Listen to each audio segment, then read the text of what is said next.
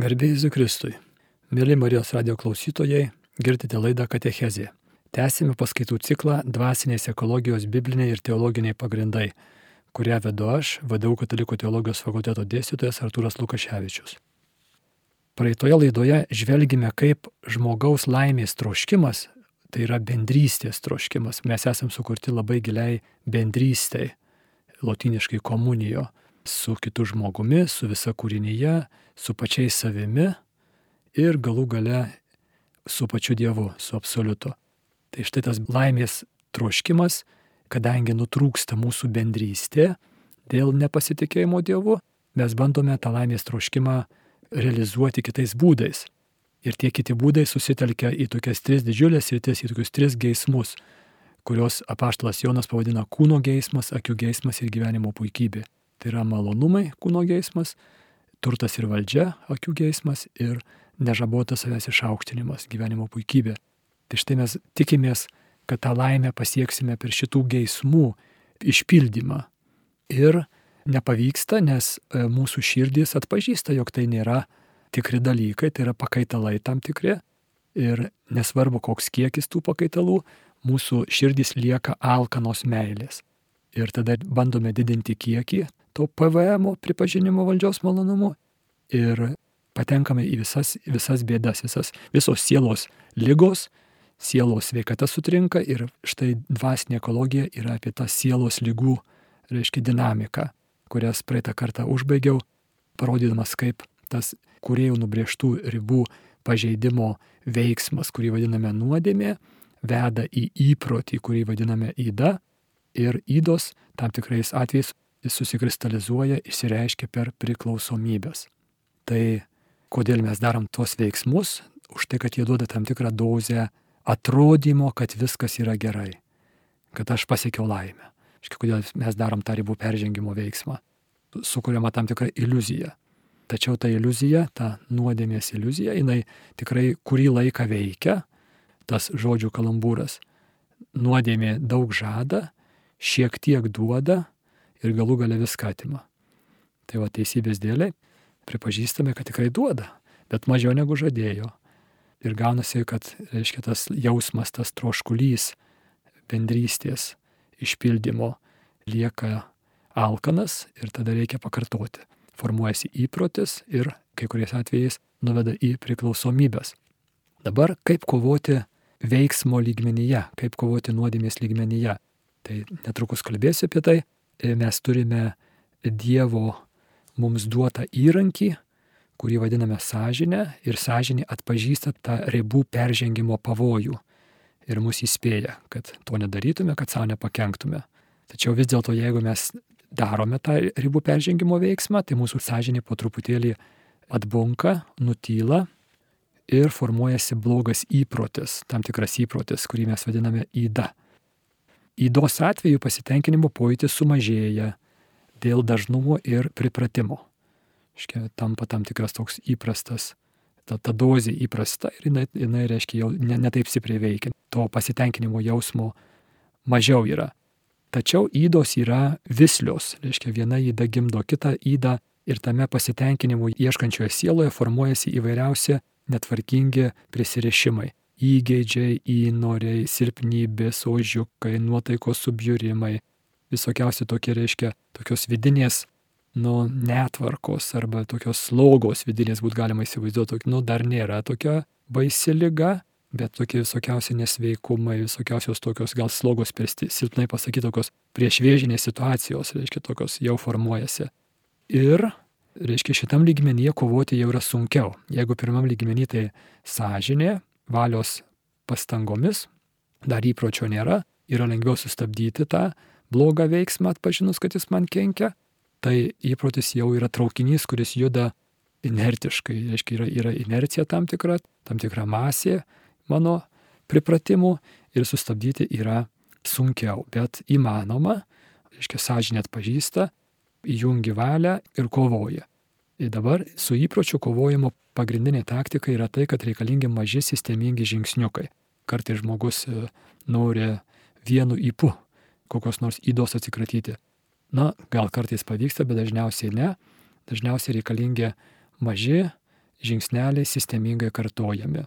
Tam, kad blogo įpročio raumenis, taip sakant, silpninti, o gero įpročio raumenis stiprinti. Atkaklumas, sistemingumas labai padeda e, kovojant su blogais įpročiais reguliariai duoti kitam žmogui tokią atskaitomybę, reiškia papasakoti kitam žmogui, kaip man sekasi. Tai susitariu su savo draugu, kuriuo pasitikiu pilnai, kad jisai neišplepės, kad man nereiks galvoti, ar čia sakyti ar nesakyti. Ir su tuo draugu, reiškia, kartą per savaitę aš paprašau, tu manęs paklausk, kaip man sekėsi šią savaitę. Arba gali būti ir kitoks laiko tarpas, ten ar dvi savaitės, ar dvi dienos, čia jau susitarimo reikalas. Bet esmė yra ta, kad kai mes kitą žmogų įsileidžiame į savo kovas, tai daug daugiau šansų šviesai nugalėti nes tamsybės mėgsta būti neapšviestos. Tai štai mūsų įdos, kai aš įsileidžiu kitą žmogų ir tada, reiškia, mano šansas nugalėti yra daug didesnis, nes aš turiu kažką tai, kas gali mane šiek tiek objektyviau vertinti. Ir tas vertinimas yra ne tik tai iš tokios nu, neigiamos pusės, kad jisai pastebės, jog aš ten sukčiauju, ar reiškia save teisinu, bet taip pat labai dažnai žmonės pradėję kovoti šias kovas dvasinės, jie save per daug griežtai vertina ir jie sako savo, kad aš nedarau pažangos, aš, reiškia, judu atgal, o iš tikrųjų pažanga yra, jinai nėra greita, bet jinai yra pakankamai normali ir reikalingas toksai objektyvesnis žvilgsnis iš šono, toksai reflektavimas, kad kitas galėtų mane atspindėti, reiškia, iš šono. Tai čia būtų kova su įpročiu. Vėlgi, mano protas ir mano valia yra pagrindiniai įrankiai kovoje su blogais įpročiais senovės mąstytojo graikų matematiko, filosofo Pitagoro posakis yra blogiau būti aistrų vergu negu tironų vergu.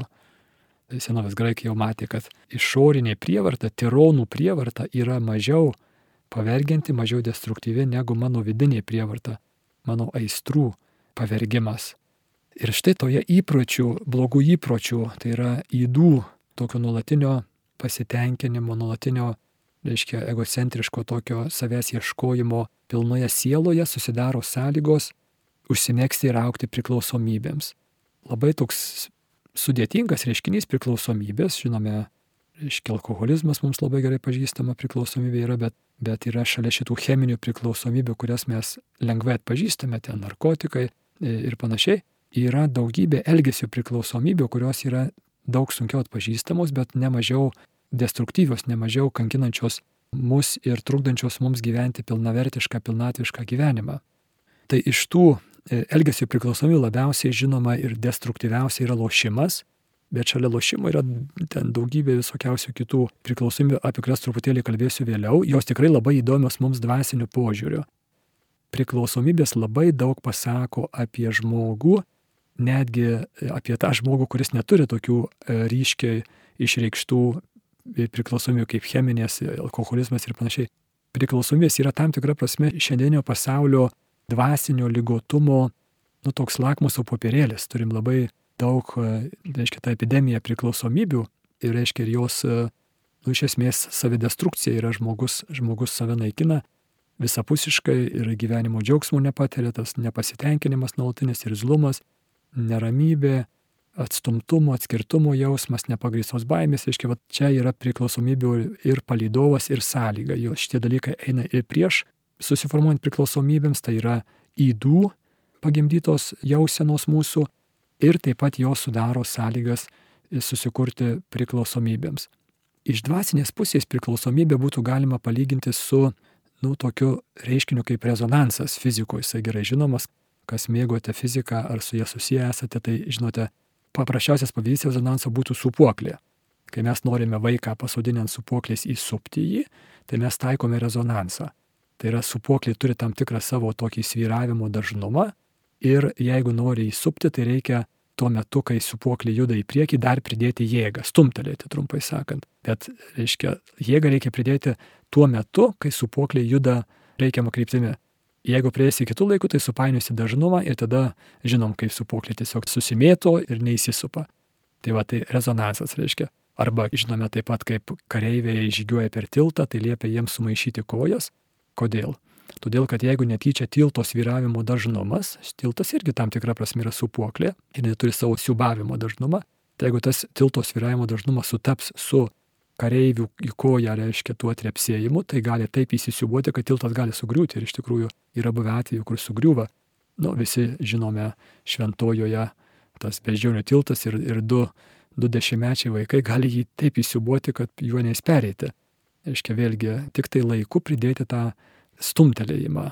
Jeigu laiku pridėsi, tai tas, kad ir nedėlis stumtelėjimas vis labiau, labiau, labiau įsiubuos ir gali, reiškia, būti, nu, tikrai tokių labai e, sudėtingų situacijų. Tai štai, reiškia, galima taip įsivaizduoti, kad mūsų sieloje yra įvairiausių tų va tiltų, tiltelių, visokiausių, reiškia, tokių panašių įrenginių ir mūsų gyvenimo nesklandumai juos įsiubuoja. Ir jeigu tas e, netyčia kokio nors e, kenksmingo poveikio stumtelėjimas sutampa su to mano silpnosios vietos sviravimo dažniu ir susikurs rezonansas ir reiškia, manyje gali susiformuoti labai labai destruktyvus darinys, vadinamoji priklausomybė. Reiškia, tarsi kokia juodoji skilė atsiveria, tarsi kažkas tai sugriuva manyje. Gal konkrečiau duosiu pavyzdį su alkoholizmu. Alkoholizmu susirga žmonės, kurie turi tam tikras genetinės, fiziologinės, psichologinės, reiškia tokias predispozicijas, tam tikras tokias iš ankstinės sąlygas, silpnumus, silpnybės, pavyzdžiui, jeigu šeimoje artimiausioje buvo sergančių šią lygą žmonių, tai dažniausiai bus, reiškia, jau tas pažeistumas per prigimtį, per genus perduotas. Tai galim būti įsivaizduoti toks, reiškia, silpnas tiltas jau yra manyje, jeigu aš esu tas žmogus. Ir dabar jeigu ant to silpno tilto alkoholis tekėti pradeda ir, reiškia, teka, teka, teka, siubuoja, siubuoja, siubuoja ir tam tikrų metų ta mano gyvenimo, ta mano sielos rytis net laiko ir susiformuoja priklausomybė. Labai retai, kada priklausomybė susiformuoja po pirmo karto, dažniausiai reikia kartoti, kartoti tą destruktyvų poveikį, šiuo atveju alkoholio vartojimą, kartot, kartot, kartot. Ir, reiškia, praeina nemažai laiko, kartais greičiau, kartais trumpiau ir gali susiformuoti priklausomybė. Taip pat gali būti atvejų, kur nesusiformuoja priklausomybė. Va irgi visai neseniai klausiausi laidos ir moteriškiai pasako apie savo vyrą, kuris sako, kasdien geria, bet, bet reiškia, nu, nėra priklausomės lygtai, nesimato ir kraujo tyrimai rodo, kad žmogus dar sveikas. Nu, turi stiprią sveikatą, gal reiškia genetika gera ir reiškia dar ne, nepramušė. Bet tas, reiškia, išorinis poveikis jau pavojingai dažnas. Jeigu kasdien geria daug, tai jau pavojingai dažnas ir greičiausiai tik laiko klausimas, kada ten tas silpnasias vietas įsiubuos manyje taip, kad, reiškia, susiformuos tokia, nu, sugrius kažkoks tai mano gyvenimo svarbi dalis, susiformuos priklausomybė. Ir kitas pavyzdys, tai bandant įsivaizduoti, kaip ta dvasinio požiūrio priklausomybė susiformuoja, tai yra automobilis, galim įsivaizduoti automobilį, kuriame yra visą laiką mūsų automobiliuose yra daug laidų, daugybė laidų, tai reiškia, tenais ta visa elektrinė dalis labai sudėtinga. Ir kai laidai eina pro mūsų automobilio skardą, Tai yra specialios tokios guminės įvorės, kurios saugoja, kad tie laidai nesi, nesitrintų tiesiai į skardą. Tai štai galime įsivaizduoti, kad, reiškia, mūsų gyvenime yra tam tikrų tokių silpnų vietų psichologiškai, ten vaikystės traumos, genetiškai ne viskas tvarkoja, reiškia, ten kokie fiziologiniai silpnumai yra. Tai būtų galima įsivaizduoti, kad tos silpnos vietos tai yra mano automobilio, reiškia, laidai, einantys per skardą ir nėra tų įvorių, tų guminių įvorių, kurios saugoja nuo trinties. Nu va, ir dabar, reiškia, tokioje situacijoje automobilis važiuodamas per visokius e, akmenis ir griovius ir, reiškia, ta vibracija skardos į laidą ir, reiškia, tik tai laiko klausimas, kada ta izolacija pratrins skardą ir įvyks trumpas jungimas. Tai štai priklausomybė yra kaip tas trumpas jungimas. Taiga visa gyvenimo energija tiesiog į kokią tai juodąją skylę nudrenuojama yra. Ir žmogus reiškia, tiesiog nu, sugriūva iš esmės visas jo gyvenimas. Gerai žinome, kas būna alkoholizmo atveju. Vėlgi pastebėkime, kad visais šitais atvejais, ar tai būtų alkoholizmas, ar tai būtų lošimas, tai yra pinigų troškulys, ar tai būtų seksualinės priklausomybės, visos priklausomybės stovi ant to vadinamojo PVM, tai yra pripažinimo valdžios malonumų perdozavimas. Iškia peržengiamos, kurie jau nubrėžtos ribos ir reiškia ir žmogus, kodėl jis peržengia tas ribas, todėl kad tokiu būdu jisai bando užpildyti tuo perženginėjimu kažkokią tai skylę savyje. ir tai nepavyks, e, nieko neišeis ir galų gale tai gali nuvesti į labai didelę savidestrukciją, tai yra priklausomybės. Apie jas kalbėsiu dar vėliau. Priklausomybės periodiškai sukelia tam tikrą dvasinę paniką. Aiškiai, žmogui atrodo, kad jisai arba mirs, ar išprotės, jeigu negaus dozės ar tos chemijos, ar priklausomo elgesio. Ir jau tada tos dozės reikia ne tiek dėl pasitenkinimo, bet kad tiesiog išgyventų, pasakoja chirurgai, kad rankos nedrebėtų, reiškia, jam reikia tiesiog šimtą gramų išgerti, kad jisai galėtų operaciją atlikti. Tai vėl čia yra priklausomi, jau, jau yra lyga apimanti visą žmogų ir jo kūnas, reiškia, dalyvauja, jo fiziologija pakinta ir susirga ir jo elgesys, reiškia, psichologinės problemos. Ir mums iš teologinės pusės labai, reiškia, reikšminga, kad šita lyga turi labai stiprią dvasinę išraišką. Tai yra kuriejų nubrėžtų ribų geram dalykui peržengimas. Nes kreipkime dėmesį, net ir, tarkim, alkoholio atveju, alkoholis pats nėra blogis. Ir saikingas alkoholio vartojimas gali būti netgi naudingas ir sveikatai reikalingas. Jėzus gėrė vyną. Kaip sakė, mums šiandien 21 amžiaus lietuviams nemenkas iššūkis. E, negalim atmesti alkoholį kaip kažkokį tai savaime blogį. Kaip visada yra ribų klausimas. Visi dalykai yra geri savo ribose. Tas ribas nubrėžė kūrėjas. Tačiau puolęs žmogus, e, paklausęs gundytojo pasiūlymo, perbražo tas ribas. Gundytojas sako, neprimk kuriejų ribų, pats spręsk, kas tau yra gera ir kas tau yra bloga. Kodėl tu čia leidai kažkam tai kitam? Tu pats nuspręsk, kur tos ribos, kas tu esi ir kaip tau gyventi. Priklausomės atveju kova yra jau gerokai sudėtingesnė, nes ir protas, ir valia yra pajungti lygai, priklausomybei ir vėliau truputėlį vėl kalbėsiu daugiau apie tai. Jeigu įdos ir nuodėmės atveju dar protas buvo mano pusėje ir kovojo už mane iš esmės, tai priklausomo žmogaus atveju protas kovoja už lygą. Tarsi lyga būtų įgavusi atskirą egzistavimą žmoguje, tarsi koksai vėžinis darinys, kuris, reiškia, minta kūno resursais, e, naudojasi jais ir žudo kūną. Tai štai čia priklausomo žmogaus protas labai intensyviai ieško būdų tęsti vartojimą. Valia, reiškia, ir labai stipri. Kartais žmonės sako, alkoholikai, reiškia, yra silpna valiai. Netiesa. Jo valia labai stipri, jisai gali įveikti neįsivaizduojamus sunkumus tam, kad gautų butelį. Jisai gali keliais nueiti kelius kilometrus. Labai stipri valia. Bet valia dirba prieš jį. Valia reiškia kovoja prieš jį patį ir jam kenkia. Tai va čia yra daug sudėtingesnė pagalba priklausomiems žmonėms yra negu tiesiog tradicinė klasikinė sielovada nuodėmės arba įdos atveju.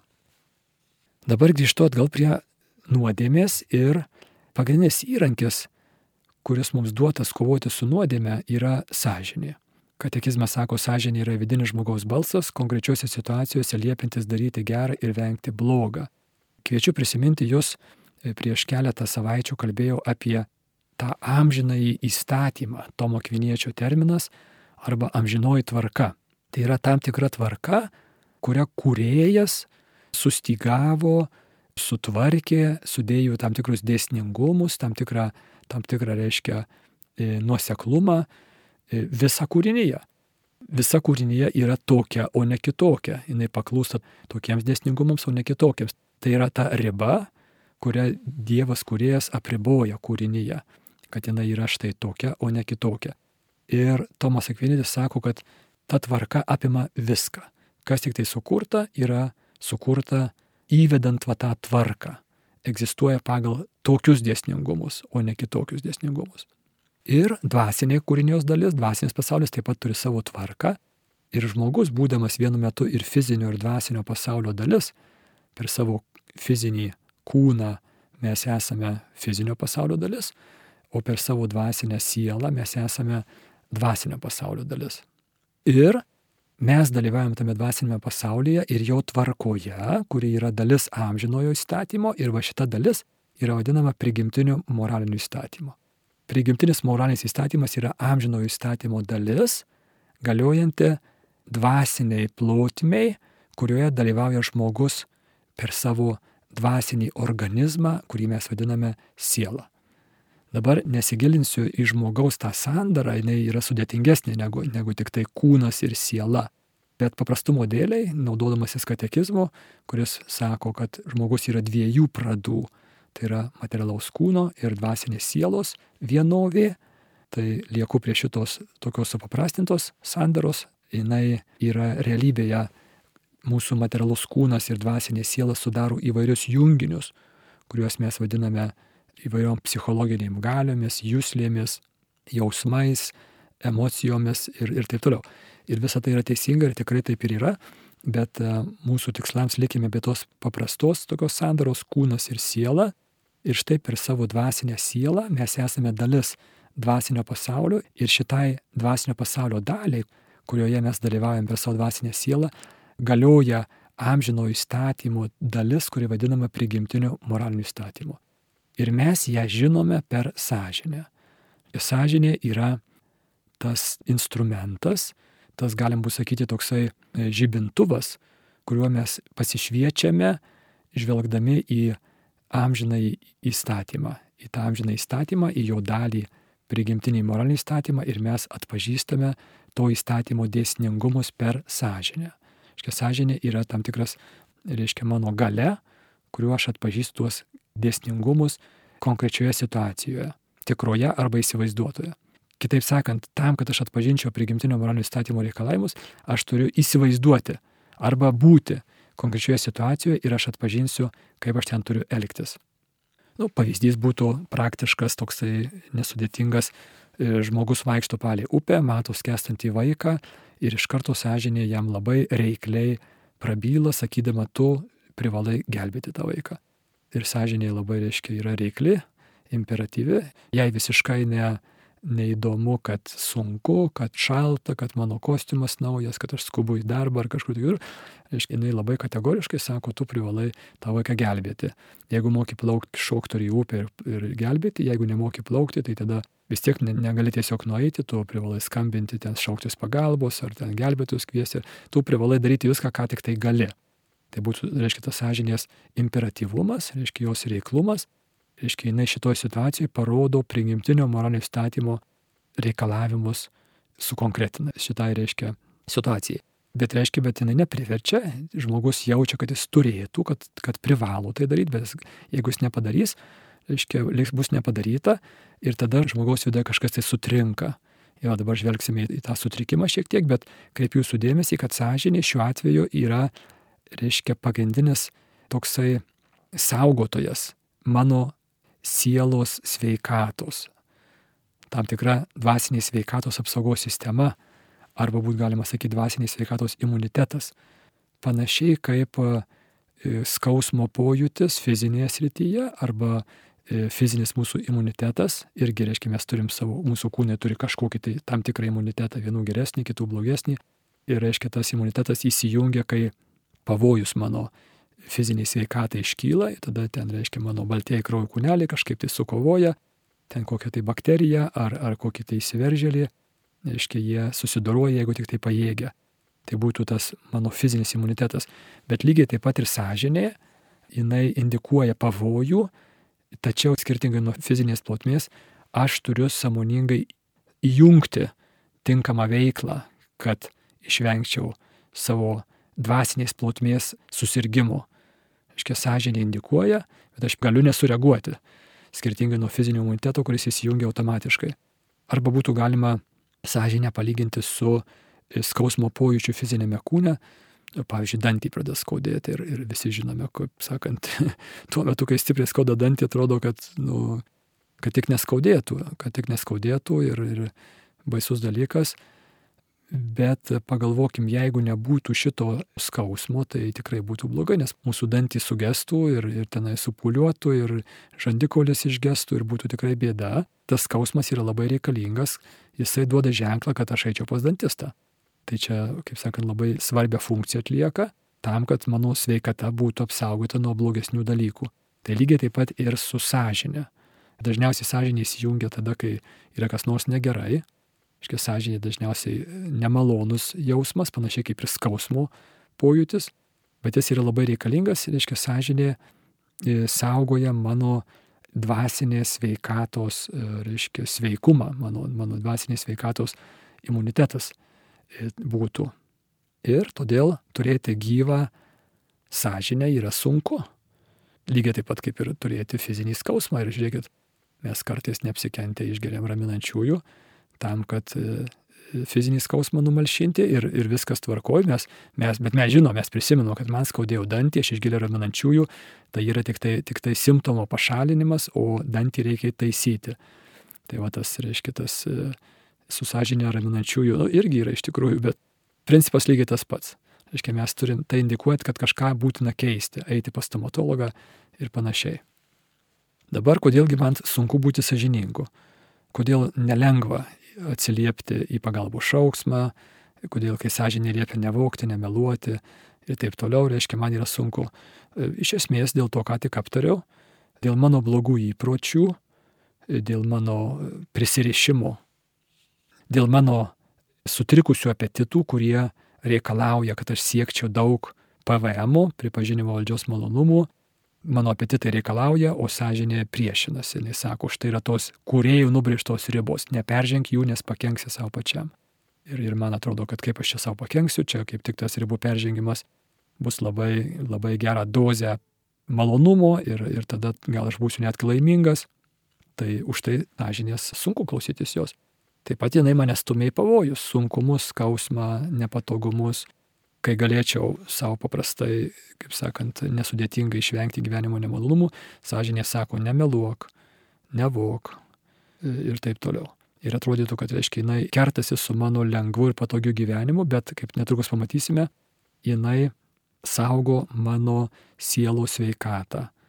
Jeigu aš noriu džiaugtis gyvenimu, kaip pradžioje kalbėjome, jeigu aš noriu išvengti to suirzimo, tokio nepasitenkinimo, nekantrumo, to tokio nuolatinio nerimo, tai sąžinė yra labai svarbus instrumentas, labai svarbi gale, įgalinanti mane taip daryti. Dabar toliau žvelgdami į sąžinę matome dvi tokias pagrindinės sąžinės tokias formas. Tai yra teisinga sąžinė arba klaidinga sąžinė. Teisinga sąžinė yra tokia, kuri teisingai atspindi prigimtinį moralinį įstatymą, klaidinga neteisingai. Dabar vėl žiūrėkime, tas prigimtinis moralinis įstatymas tai yra tam tikra objektyvi moralinė tvarka. Jis realiai egzistuoja ir aš per sąžinę galiu ją pažinti ir tada e, jai pritarti, pagal ją gyventi, savo veiksmus prie jos priderinti. Labai noriu, kad atpažintume tą objektivumą šitos moralinės tvarkos. E, nes kitaip mes paskui nu, labai įsikreips kiti dalykai.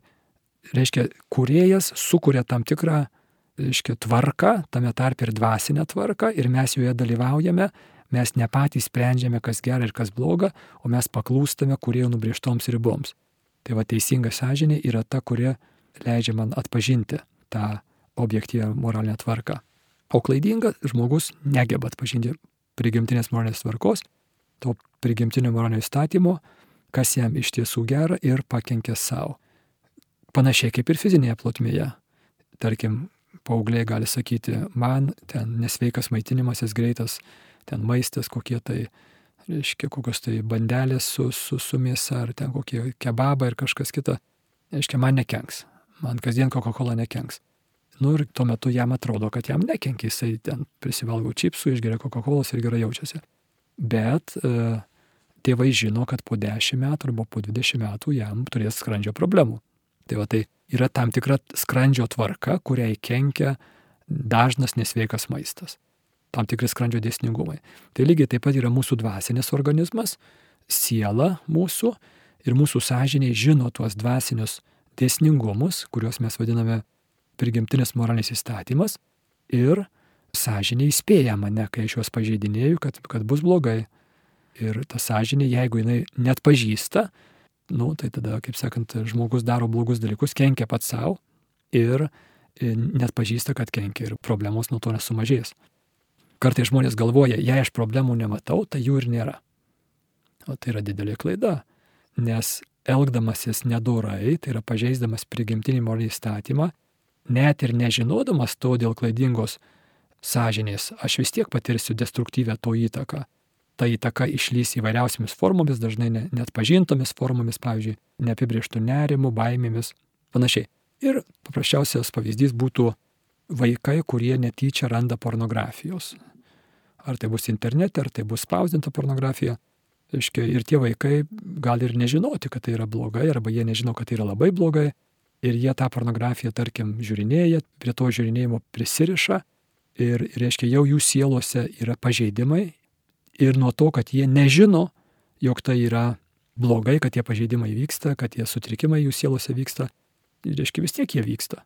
Ar mes žinom tai ar nežinom. Nu, pavyzdys toksai gal stiprus ir, ir žiaurus pavyzdys būtų amerikietis Tedas Bandis rašosi TED PUNDI. Galit pasižiūrėti internete, daug medžiagos yra apie jį.